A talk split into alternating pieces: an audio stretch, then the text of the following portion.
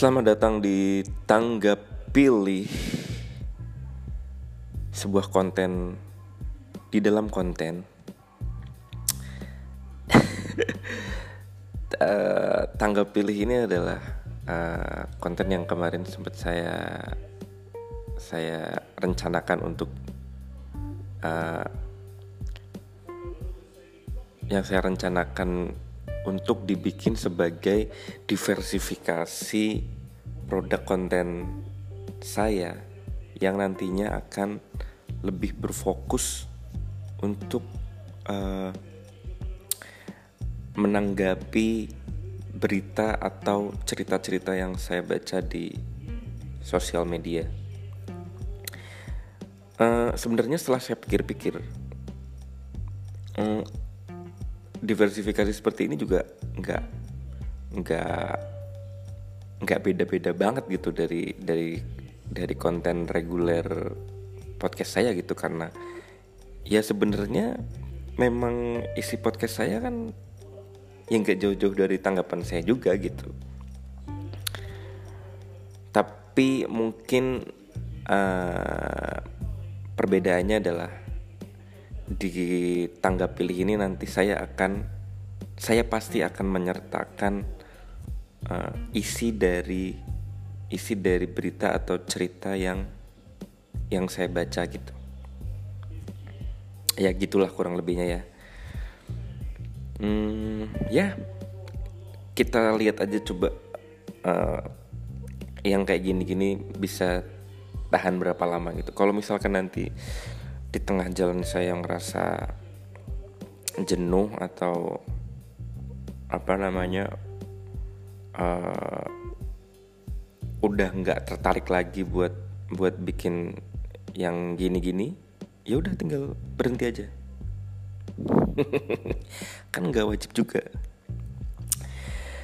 Oke uh, ini ini adalah tangga pilih episode kedua. Dan saya saya tadi udah udah cari-cari berita sih yang kira-kira uh, cocok buat dibahas di sini gitu. Dan saya ketemu satu berita di Twitter itu dari Detik Hot. Hmm. Judul judul beritanya oh, ini ini ini berita berita baru sih, baru kemarin gitu berita dari Detik Hot tanggal hari Sabtu 18 Juli tanggal eh, hari Sabtu tanggal 18 Juli jam 9.15 judulnya Ricky Martin tak lagi depresi usai mengaku gay. Ricky Martin mengungkapkan dirinya sempat tertekan ketika masih menutupi identitas homoseksualnya. Ia pun mengalami depresi dalam waktu yang panjang. Pelantun Living La Vida Loca ini mengungkapkan bagaimana ia akhirnya memiliki keberanian untuk buka suara soal identitasnya. Keputusan yang kemudian membawanya keluar dari keterpurukan. Aku pernah dalam momen karya musikku didengar di seluruh dunia, tapi aku tak pernah merasa benar-benar hidup. Aku tertekan dan aku menutupinya dengan tampil habis-habisan di atas panggung. Ungkapnya dilansir People. Di tengah tur yang ia lakukan di tahun 1999, Ricky Martin pun merasakan titik didih yang tak dapat dibendung. Ia pun memutuskan untuk tak melanjutkan turnya lagi. Hingga pada Maret 2010 dirinya mendeklarasikan orientasi seksualnya lewat media sosialnya di Instagram. Saat itu aku berada di sebuah tempat di mana aku bertanya-tanya, apakah aku gay? Apakah aku biseksual? Apakah aku gay? Apakah aku biseksual? Ujarnya. Dan aku mencoba masuk ke dalam hatiku dan berkata, Jangan berbohong pada dirimu sendiri. Dan kemudian aku berkata, Rick, kamu adalah pria homoseksual yang sangat beruntung. Kamu gay. Dan saya menuliskannya dan saya menekan tombol sebarkan dan kemudian saya menangis seperti orang gila dan saya sudah sangat bahagia sejak saat itu tuturnya lagi kini Ricky Martin hidup dengan pasangannya Juan Yosef Ricky memiliki anak dengan pasangannya tersebut dua di antaranya lelaki kembar bernama Matteo dan Valentino kemudian ada putri cantiknya Lucia Martin Yosef yang lahir pada awal tahun 2019. Jelang akhir tahun 2019, keduanya dikaruniai anak lagi dari ibu pengganti yang diberi nama Ren. Ren yang berjenis kelamin perempuan itu lahir 29 Oktober 2019.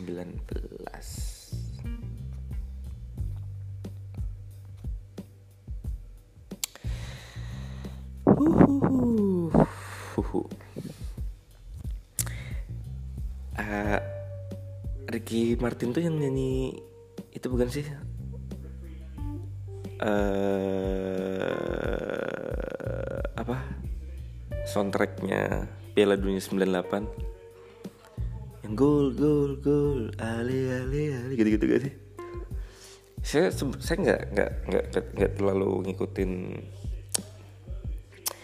Uh, saya tahu ada saya tahu Ricky Martin cuman nggak nggak begitu ngikutin nggak begitu ngikutin karyanya gitu emang saya juga nggak terlalu itu sih nggak terlalu nggak terlalu ngikutin apa namanya artis-artis luar gitu.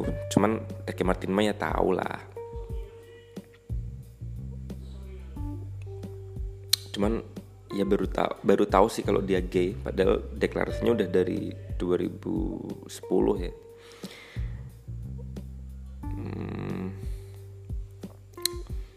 Ya keren sih.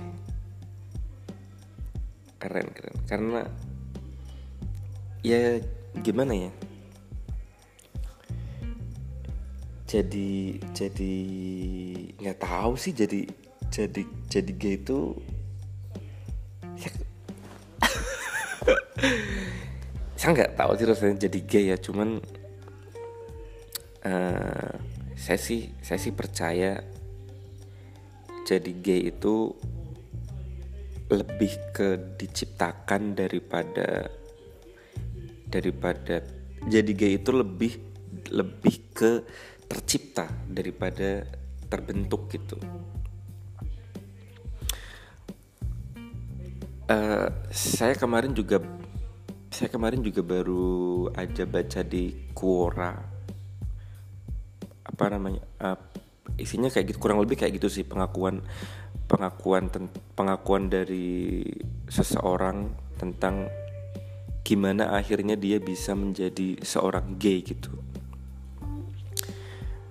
Uh, jadi yang saya ingat gitu ya dari dari ceritanya itu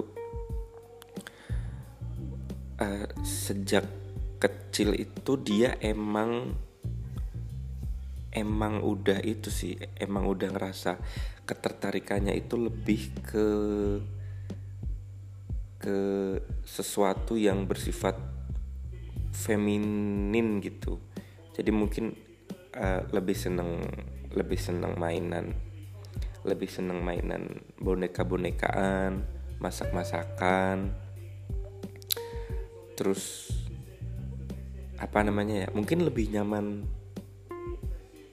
lebih nyaman nggak tahu sih lebih nyaman main sama cewek apa enggak cuman yang saya inget itu uh, si si penulis ceritanya itu uh, dari dari istilahnya apa ya perilaku dia yang yang cenderung feminin itu uh, bapaknya bapaknya itu sejak dia kecil udah itu udah jadi apa ya uh, kayak sering sering melakukan apa namanya kekerasan verbal gitu. Kayak di sering diejek gitu loh diejek dikata-katain sebagai sebagai apa namanya cowok yang feminin gitu. Dan mungkin itu secara nggak langsung jadi jadi tertanam di di dalam bawah sadarnya gitu bahwa oke okay, aku aku adalah cowok yang feminin gitu. Terus uh, setelah di itu tuh kejadiannya waktu dia kecil sampai SD gitu ya. Setelah dia SMP kalau SMP apa SMA kalau nggak salah dia tuh uh, dia tuh kayaknya masuk masuk klub uh, masuk ekstrakurikuler basket gitu basket gitu terus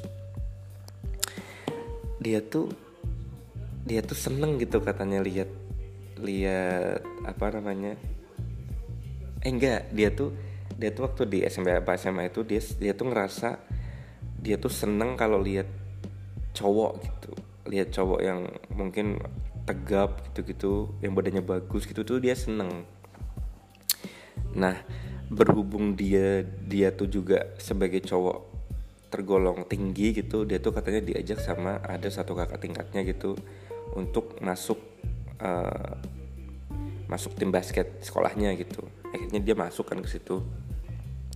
Nah di situ tambah-tambah kan mungkin kayak ketemu banyak banyak cowok-cowok yang main basket kan mungkin tinggi-tinggi badannya bagus gitu kan atletis gitu-gitu. Dia tuh seneng gitu liatnya.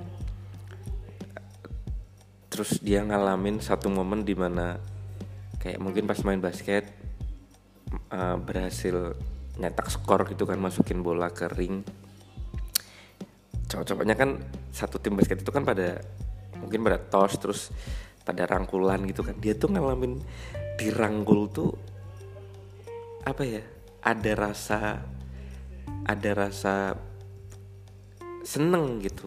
Kayak mungkin detak jantungnya jadi lebih kencang gitu. Kayak ya mungkin sama ya sama dengan yang uh, laki-laki normal rasa laki-laki normal rasakan ketika pertama kali dipeluk sama cewek gitu. Nah dia tuh ngerasain itu waktu dipeluk sama rekan rekan setim basketnya gitu. Bukan dipeluk sih dirangkul aja gitu. Jadi kayak habis tos gitu terus kan rangkulan gitu. Pas dirangkul tuh dia ngerasa tekan gitu. Dia dia ngerasakan kok kok kayak gini ya? Seneng gitu dia tuh ngerasain ngerasain perasaan itu gitu. Terus jadi jadi gitu jadi mulai hari itu dia dia kayak apa namanya kayak mulai mulai mendeklarasikan kepada dirinya sendiri gitu kayak kayaknya aku kayaknya aku gay nih gitu. Terus akhirnya setelah SM setelah kuliah SMA apa kuliah itu? Saya lupa. Dia mulai itu mulai kayak nyari-nyari komunitas gay gitu. Buat buat apa istilahnya yang nemuin pasangannya gitu nyari pasangannya. Karena kayak kayak gay kan kayak gay kan gay itu kan gay itu kan gak selalu nggak selalu ngondek ya maksudnya. Ada orang ada cowok-cowok yang secara secara kasat mata tuh baik-baik aja. Tubuhnya tubuhnya mungkin bagus berewokan bisa. Tapi ternyata kayak gini G, G itu kan orientasi seksual gitu ya. Beda dengan kayak ya kebetulan mungkin tadi di di di yang di Quora itu yang saya baca itu uh, yang saya baca itu pengakuan kan itu pengakuan orang gitu ya. Orangnya kebetulan emang mungkin cenderung cenderung feminin gitu. Cuman uh, kalau gay sendiri sih kayaknya nggak nggak selalu feminin juga sih kayaknya. Beda lah ya ngondek sama gay itu. Ngondek tuh kan mungkin lebih ke ke gerak gerik ke tingkah lakunya ke ke apa namanya preferensi preferensinya atas sesuatu gitu mungkin dari cara dia dandan milih baju dia lebih seneng ke yang ke yang ke cewek-cewekan gitu. Kalau kalau gitu kan lebih lebih ke orientasi seksual aja gitu. Jadi mungkin ada ada ada cowok-cowok yang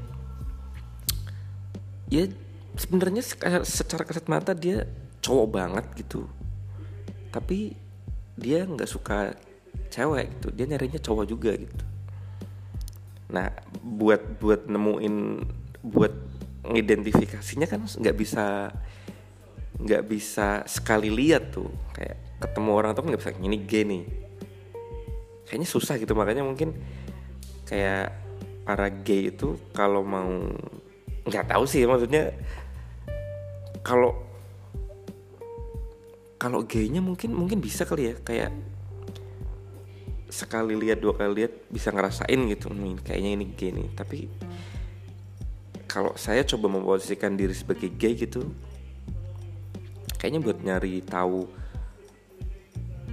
karena karena gini kayak kayak gay itu kan gay itu kan nggak banyak ya. Gay itu kan gay itu kan minoritas gitu. Kayak misalkan misalkan saya nih gay gitu. Saya lihat uh, cowok cakep gitu. Sebelum eh enggak maksudnya oke okay lah mungkin saya naksir tapi kan saya harus mastiin dulu.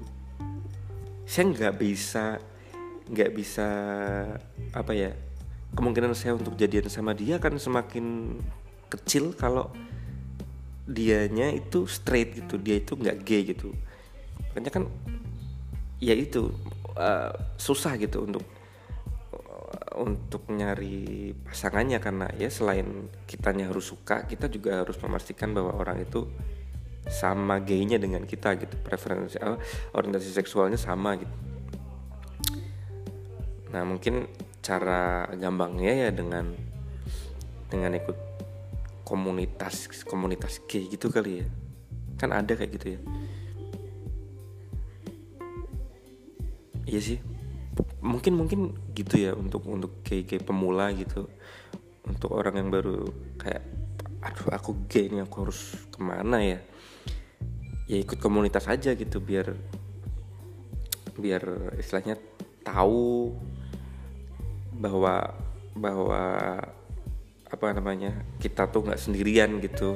Eh kita. Bahwa ya ini ini seolah-olah saya gay gitu ya seolah-olah saya gay gitu. Kalau saya mungkin ngalamin saya jadi gay saya nyadar saya saya saya gay nih saya gay pemula gitu kan. Ya mungkin baiknya ikut komunitas dulu gitu. Biar biar tahu bahwa ya kita nggak sendirian. Terus mungkin nanti lama-lama kan kita bakal bakal mulai bisa peka gitu kayak oh ciri-ciri gitu gini nih. Jadi eh, lama-lama kita bakal bakal punya kemampuan untuk itu mendeteksi mendeteksi G di tempat umum gitu. Jadi lebih lebih gampang buat buat nyari buat nyari apa ya nyari teman nyari nyari pasangan gitu. Karena ya sebenarnya nggak apa-apa sih ya. Maksudnya sebenarnya nggak apa-apa sih. Cuman nggak tahu kayaknya. Saya sih saya sih nggak punya nggak punya temen gay sejauh ini. Nggak tahu nggak punya atau punya tapi saya nggak ngerasa gitu ya. Karena kayaknya buat kayaknya buat ngakuin jadi gay di di Indonesia kan di Indonesia kan di jadi kan nggak boleh. Eh boleh nggak sih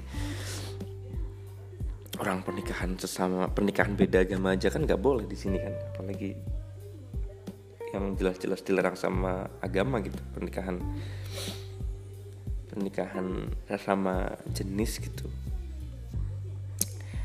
Kayak tadi tadi yang saya tadi yang saya baca itu kan kasusnya Ricky Martin ya. Maksudnya dia kan dia kan tinggalnya di mana sih?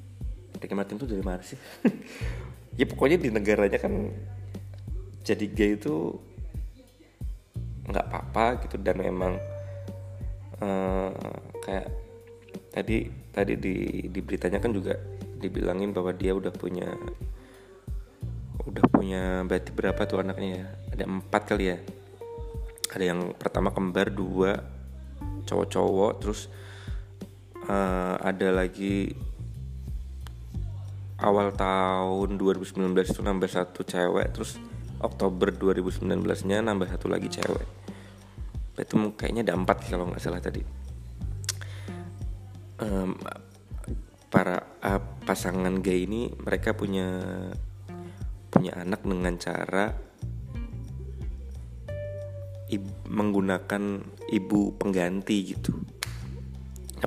Menggunakan ibu pengganti ini di Indonesia kan nggak boleh masih dilarang gitu karena mungkin resikonya resikonya terlalu besar gitu untuk untuk kesehatan kesehatan baik bayinya apa ibunya gitu.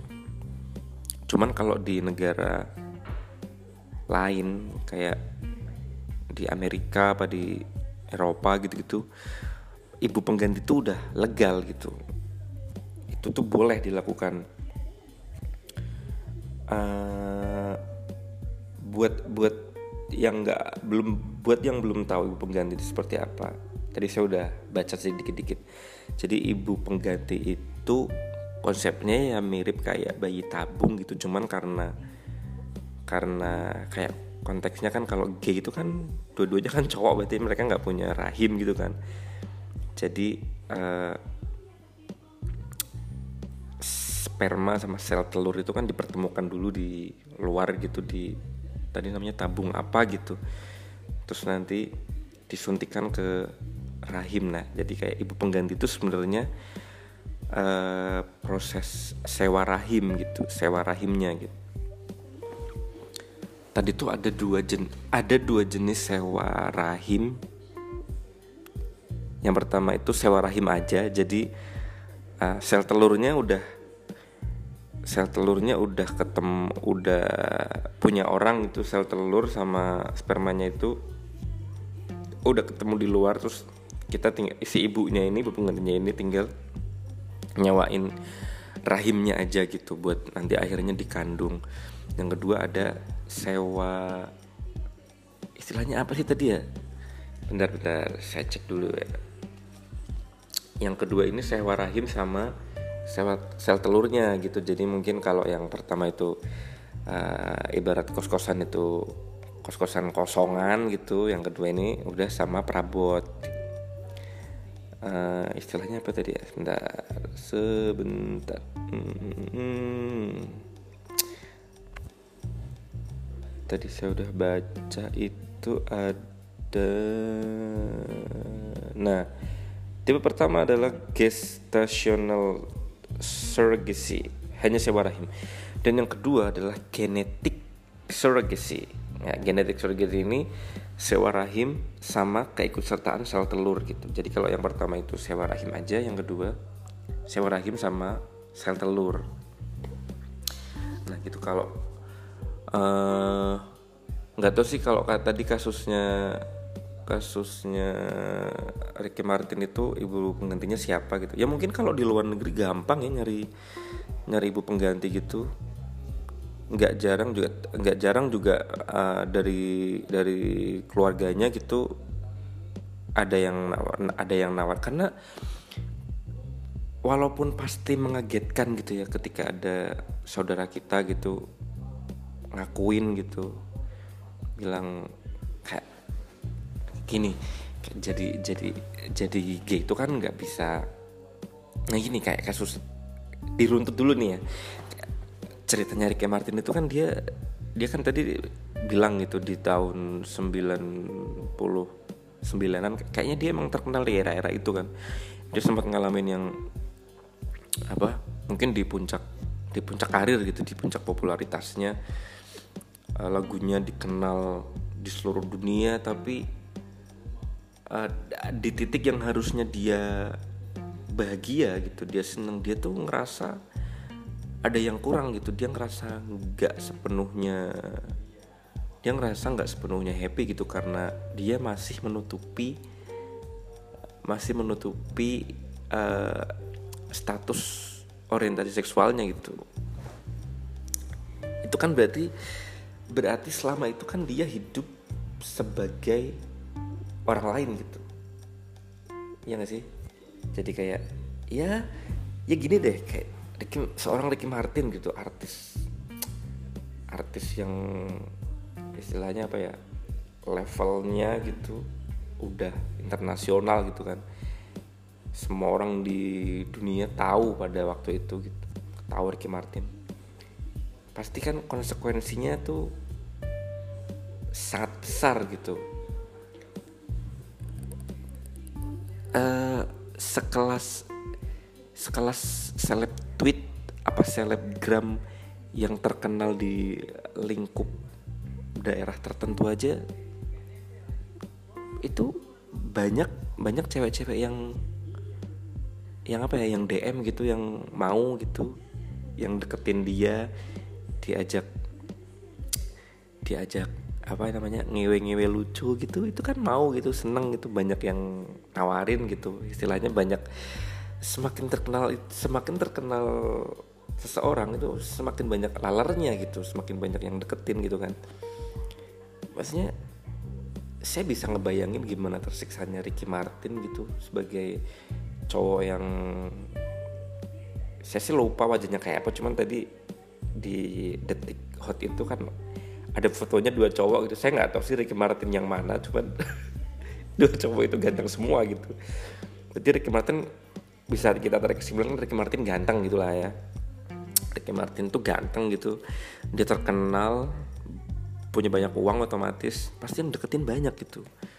Yang ngajak ngewe-ngewe lucu tuh banyak gitu. Tapi dia nggak bisa gitu. Dia bukannya nggak mau tapi dia nggak bisa gitu. Dia dia nggak tertarik nggak tahu sih ya maksudnya dia udah udah pernah nyoba apa belum cuman ya kalaupun nyoba kan berarti dia nggak ngerasain dia nggak ngerasain kenikmatannya gitu ya mungkin mungkin awal-awal kan sempet sempet di apa ya dipaksain gitu oke okay lah ayo gitu make love sama cewek gitu. Tapi ya mungkin hambar gitu. Kok kayak gini ya? Maksudnya gak gak apa yang gak gak ada getarannya gitu. Nggak nggak yang mm, gitu. Nggak tahu sih ya maksudnya. Nggak tahu sih rasanya. Rasanya rasanya enak-enak tapi nggak enak gitu tuh gimana ya nggak tahu sih. Ya asumsi saya gitu Ricky Martin mungkin udah pernah nyoba buat itu ngelakuin sama cewek tapi dia nggak nemuin nggak nemuin enaknya gitu karena dia sadar gitu uh, dia tuh gay.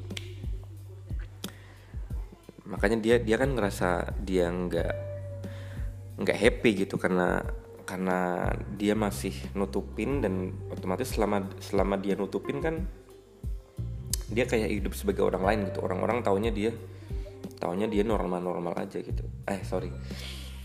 Uh, saya nggak mau bilang normal gitu ya karena ya menurut nggak tahu sih mungkin orang-orang gay yang ngerasa jadi gay itu bukan suatu bentuk tidak normalan gitu ya. Dia ya berbeda aja gitu.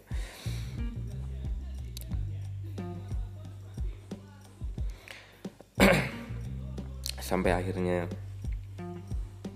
2010 bayangin berarti dari Ricky Martin. Ricky Martin sadar dia gay dari kapan ya?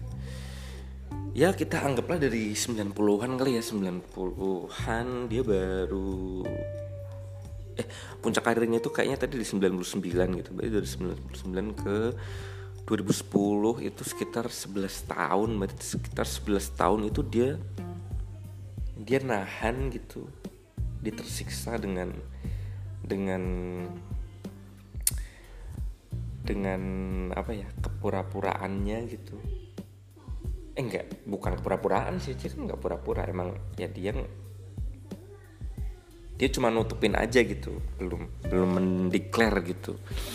Sampai akhirnya dia baru punya baru punya keberaniannya itu di tahun 2010 itu. Dia dia akhirnya memberanikan diri untuk uh, ngasih tahu ke orang-orang bahwa dia tuh gay gitu.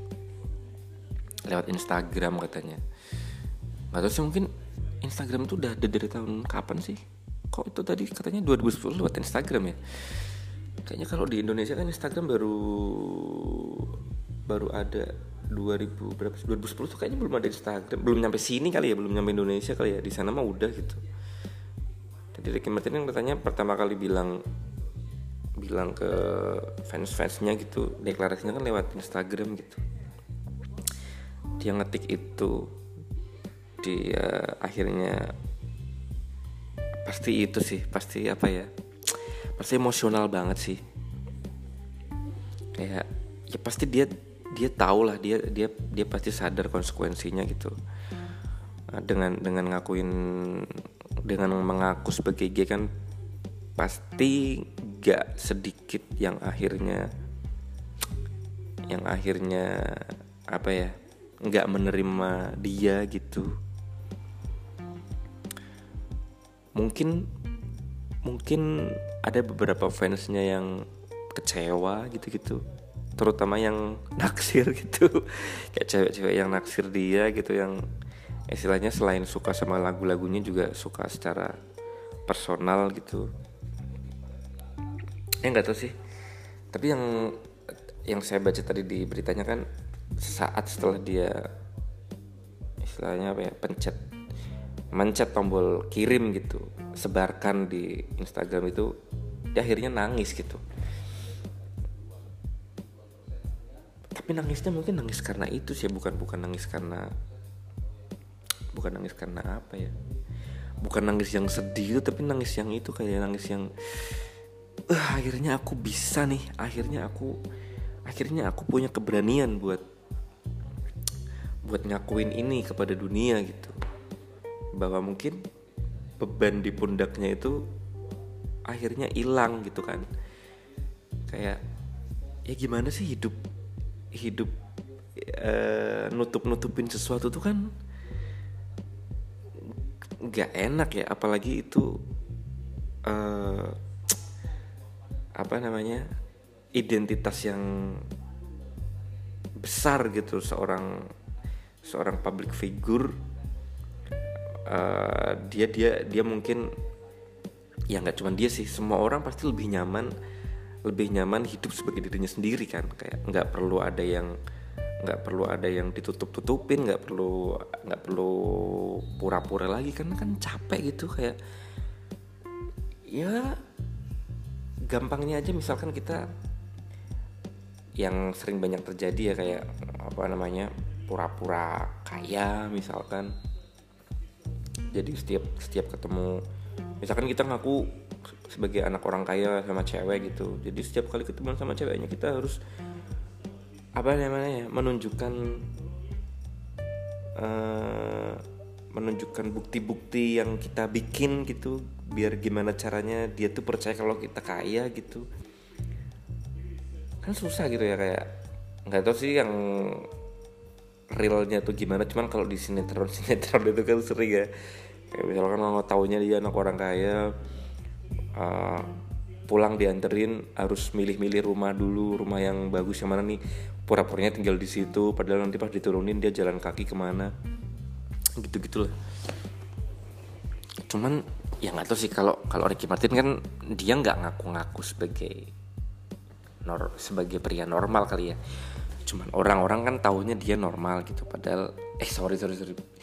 Dia tahunya orang-orang tahunya dia straight padahal dia beda gitu dia gay gitu. sampai akhirnya dia dia ngaku itu kan berarti apa ya dia udah nggak perlu nutup nutupin lagi gitu kan. Ya udahlah kalaupun harus kalaupun maksudnya orang-orang harus kecewa ya udah biarin gitu. Yang penting yang penting yang penting dia happy gitu ngejalanin hidupnya sendiri kan. Karena ya gitu sih. Nggak soalnya uh, saya sih saya sih ngerasain bukan bukan bukan bukan rasain gay ya cuman kayak nut saya tuh uh, saya tuh uh, soalnya gini saya sendiri ngerasa saya nggak bisa gitu susah untuk untuk nutup nutupin gitu. Kayak ya contoh yang paling gampang kayak kayak sama sama istri aja yang pernah saya bahas di episode pertama gitu ya. Kayak saya tuh sebenarnya mungkin gitu mungkin sebagai cowok saya tuh pengen-pengen aja gitu. Kayak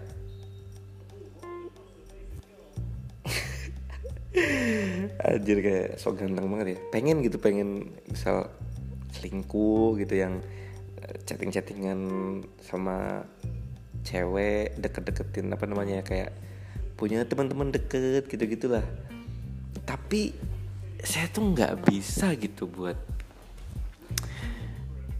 nggak ini contohnya kalau kayak gini terlalu itu ya. Nggak kayak dulu dulu dulu dulu tuh saya pernah waktu masih pacaran gitu. Padahal simple sih kayak apa namanya kayak pergi pergi kondangan kali ya kondangan kondangan bareng berang, berangkatnya bareng gitu sama temen cewek gitu. Saya nggak bilang nggak bilang sama pacar saya waktu itu sama istri saya waktu itu masih pacar gitu kan. Saya nggak bilang kalau saya berangkat sama teman cewek gitu karena saya tahu waktu itu kan masih apa ya masih alay gitu lah ya maksudnya kayak ya pergi bareng sama cewek itu berpotensi jadi pertengkaran gitu. Kayak saya saya saya, saya mending lah nggak usah bilang lah. Tapi gak tahu gimana ceritanya gitu. Uh, saya tuh akhirnya ngomong gitu eh gede dia tuh nanya gitu. Dia tuh nanya tadi berangkatnya sama siapa? gitu gitu nah saya saya saya tuh nggak bisa yang nggak bisa yang eh enggak tadi berangkatnya sendiri kok itu tuh nggak bisa gitu. Rasanya tuh ganjel gitu. Soalnya saya takut mungkin uh, selang berapa hari atau di apa ke depannya tuh dia akhirnya tahu entah saya akhirnya keceplosan ngomong atau gimana. Tahu bahwa oh ternyata kemarin berangkat eh ternyata kemarin sempat pergi berdua sama cewek tapi nggak ngomong gitu. Itu malah malah malah menurut saya jadi jadi apa ya jadi kesalahan yang lebih besar gitu. Makanya saya tuh kecenderungannya gitu ya kalau emang kalau emang udah ngelakuin sesuatu yang salah yang sekiranya menyakiti orang ini gitu saya mending ya gimana caranya orang ini tahu tapi dimaafin gitu. Padahal itu kan sepele ya maksudnya ah, hal-hal hal-hal remeh gitu nggak nggak nggak yang nggak yang gimana gitu kan nggak yang nggak yang selingkuh beneran gitu kan enggak cuman cuman itu aja hal sesimpel berangkat berangkat pergi kondangan tapi sama temen cewek gitu. Ya gitulah. Intinya bahkan hidup dengan menyimpan dengan apa ya menutupi menutupi fakta sekecil itu aja saya tuh nggak nyaman gitu apalagi kayak kayak Ricky Martin tadi gitu kan. Itu kan apa ya fakta besar gitu bahwa kalau dia nggak ngakuin mungkin orang-orang bakal nungguin dia uh, kapan dia kapan dia nikahnya gitu. Kok nggak kok nggak nikah nikah gitu sama sama cewek gitu kan. Berarti kan diteguinya gitu.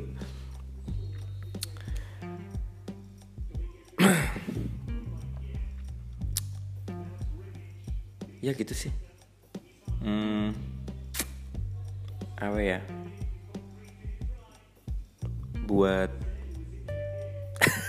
saya gak tahu sih uh, ya buat teman saya yang mungkin ada yang sebenarnya gay gitu nggak apa-apa. Nggak apa-apa. Uh, jalani aja. Uh, terima aja kamu nggak kamu nggak sendirian iya nggak sih? Jadi gitu. Nggak tahu sih ini bakal ada yang bakal ada yang bakal ada yang dengerin gak sih? Bakal ada yang sampai sini gak sih? Ya ya nggak tahu lah ya. Karena ya itu tadi gitu nggak bisa dideteksi gitu selama orangnya nggak ngaku gitu.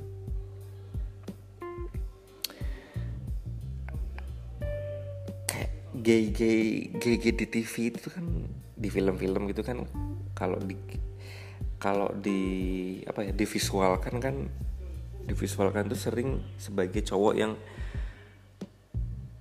uh, apa ya kalau sama temen cowoknya gitu yang dia suka kayak jadi pegang-pegang gitu bercandanya uh, memanfaatkan momen bercanda untuk melakukan kontak fisik gitu-gitu. Saya sih selama ini nggak ngerasain kayak gitu ya kayak saya nggak ngerasain uh, ada kecurigaan sama satu temen yang ih kok dia pegang-pegang gitu. Belum sih. Makanya kayaknya saya nggak punya teman gini tapi mungkin aja ada. Mungkin aja emang penggambaran gay di TV itu terlalu dilebih-lebihkan gitu. Padahal kenyataannya ya mungkin ada aja gay yang yang nggak seagresif itu gitu. Jadi ya emang pembawaannya normal gitu. Kayak orang-orang nggak bakal tahu dia gay sebelum dianya sendiri ngaku gitu. Jadi ya barangkali ada gitu. Teman saya yang kebetulan atau siapa pun lah yang kebetulan denger podcast ini dan dia dan kebetulan gay gitu. Ya nggak kebetulan eh kebetulan ya gitu kebetulan gak sih? Kebetulan lah ya. Kebetulan sih gitu sih. Ya semangat lah semangat aja gitu. Nggak apa-apa. Uh,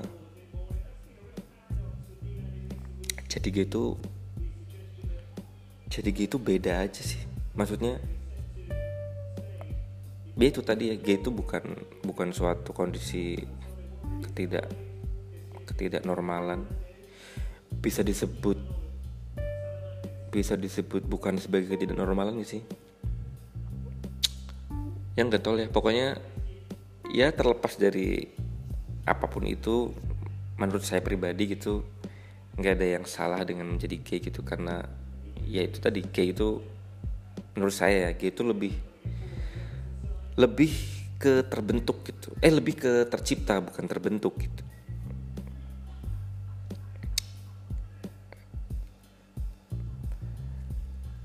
nggak ada orang yang maksudnya kalau dikasih pilihan gitu semua orang mungkin bakal milih milih straight aja gitu karena ya nggak ada yang lebih aman selain menjadi seragam dengan orang lain gitu. Karena dengan seragam kan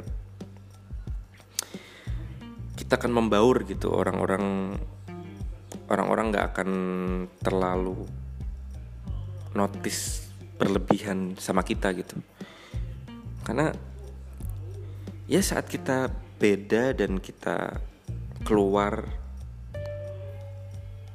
kita apa ya kita menampakkan diri gitu. kayak ngakuin gay itu kan berarti apa ya kayak semua orang pakai baju putih gitu kita pakai baju merah atau teriak gitu. Semua orang akan ngeliatin kita. Uh, dan gak semuanya bisa bisa bisa menerima dengan baik-baik aja gitu. Potensi untuk ya kita semua tahu lah ya mulut orang-orang kan kayak gitu gitu dan itu di luar kendali kita kan gitu konsekuensi atas apa yang kita lakukan itu kan di luar kendali kita gitu.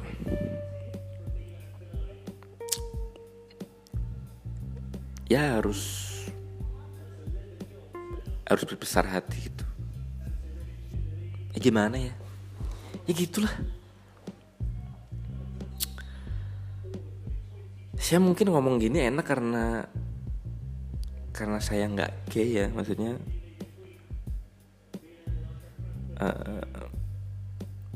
gimana sih?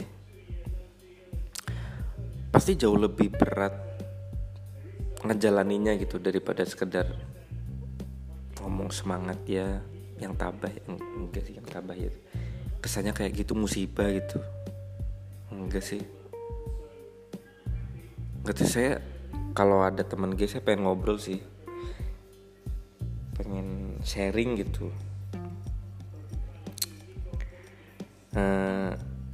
pasti ya uh, karena fakta bahwa seorang gay itu kan butuh waktu buat diterima gitu. Bahkan butuh waktu buat diakui. Ricky Martin aja tadi butuh waktu 11 tahunan berarti 11 tahunan untuk akhirnya berani mengaku sebagai gay gitu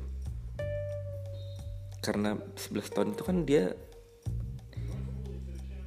dia berarti menimbang-nimbang gitu kan. Kayak ngaku nggak ya ngaku nggak ya. Dia menimbang-nimbang konsekuensinya gitu.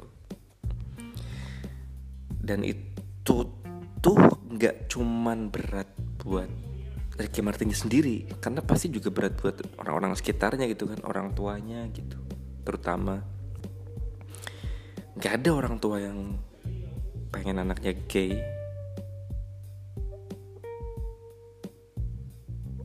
Bahkan ketika dianya sendiri gay gitu. Ya gak sih? Iyalah.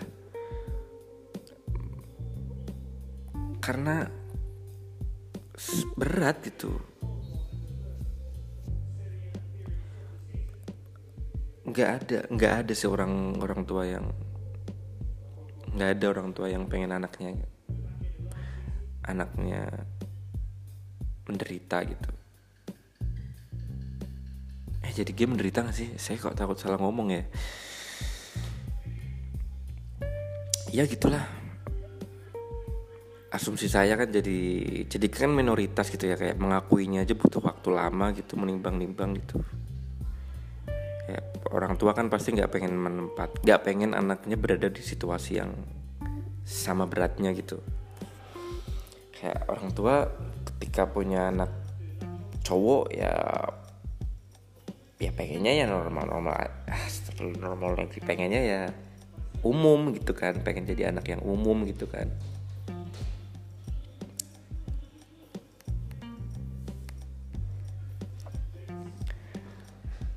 makanya pasti pasti berat sih. Ngakuin sama apa orang tua gitu denger denger anaknya ngakuin pak uh, bapak tahu kan aku udah umur 27 aku belum nikah nikah bapak nggak pernah lihat kan aku bawa temen cewek ke rumah.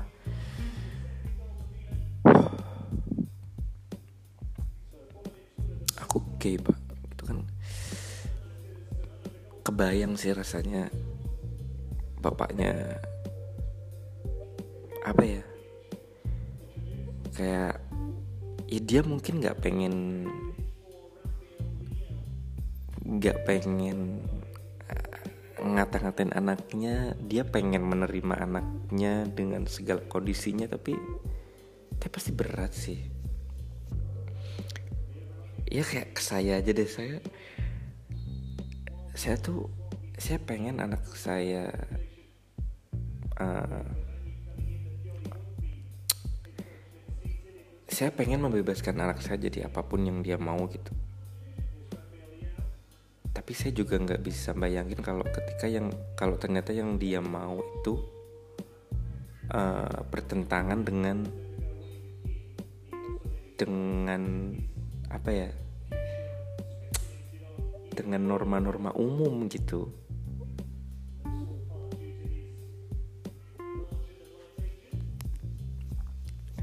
Uh, kayak kemarin kemarin tuh saya baca ada kemarin tuh saya baca ada ada cerita.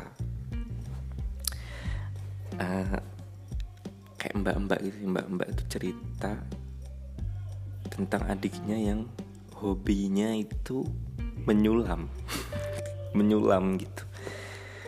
Uh, intinya dia dia punya adik yang hobinya menyulam. Terus kemarin tuh dia baru eh adiknya itu nangis karena uh, semua alat-alat sulamnya itu dibuang sama nggak bapaknya apa ibunya gitu. Dibuang si adiknya itu jadi sedih gitu kan karena ternyata orang tuanya nggak nerima dia gitu karena karena uh, dia cowok dan hobinya ternyata ini baru hobi loh. Ini baru hobinya aja gitu hobinya tuh kecewek-cewekan gitu.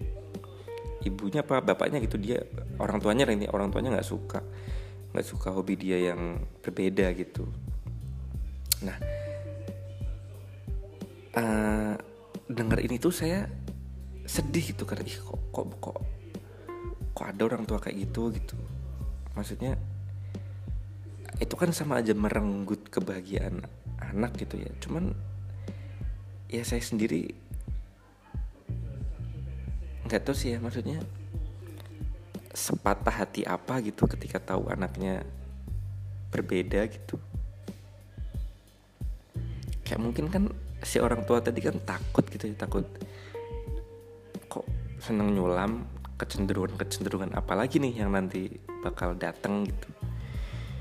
Kayak sebisa mungkin pengen pengen diputus gitu sebelum terlalu jauh gitu kan tapi kan kita nggak tahu gitu. Siapa tahu dia cuma memang seneng nyulam aja cuman untuk hal-hal yang lainnya gitu ya normal-normal aja gitu.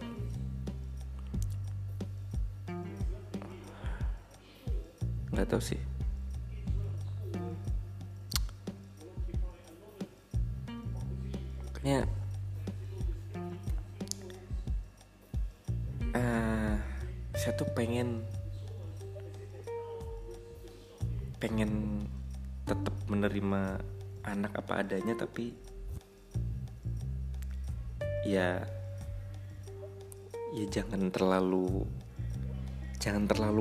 keluar dari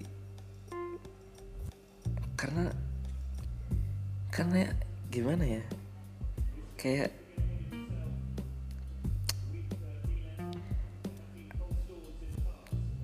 akan jadi apa anak kita nanti itu kan nggak sepenuhnya ada di kendali kita gitu ya. Ya contohnya kasus tadi Ricky Martin gitu. Saya yakin orang tuanya nggak mengarahkan dia buat jadi gay kayak ya emang dia ter emang dia tercipta sebagai gay gitu. Butuh kebesaran hati yang tinggi untuk orang tuanya menerima gitu kan.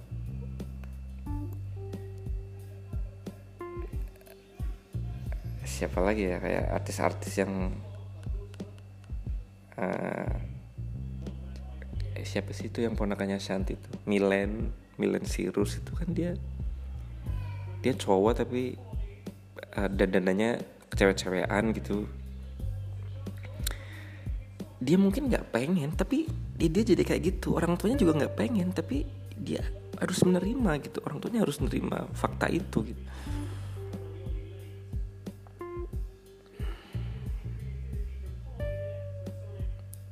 Ya gitu sih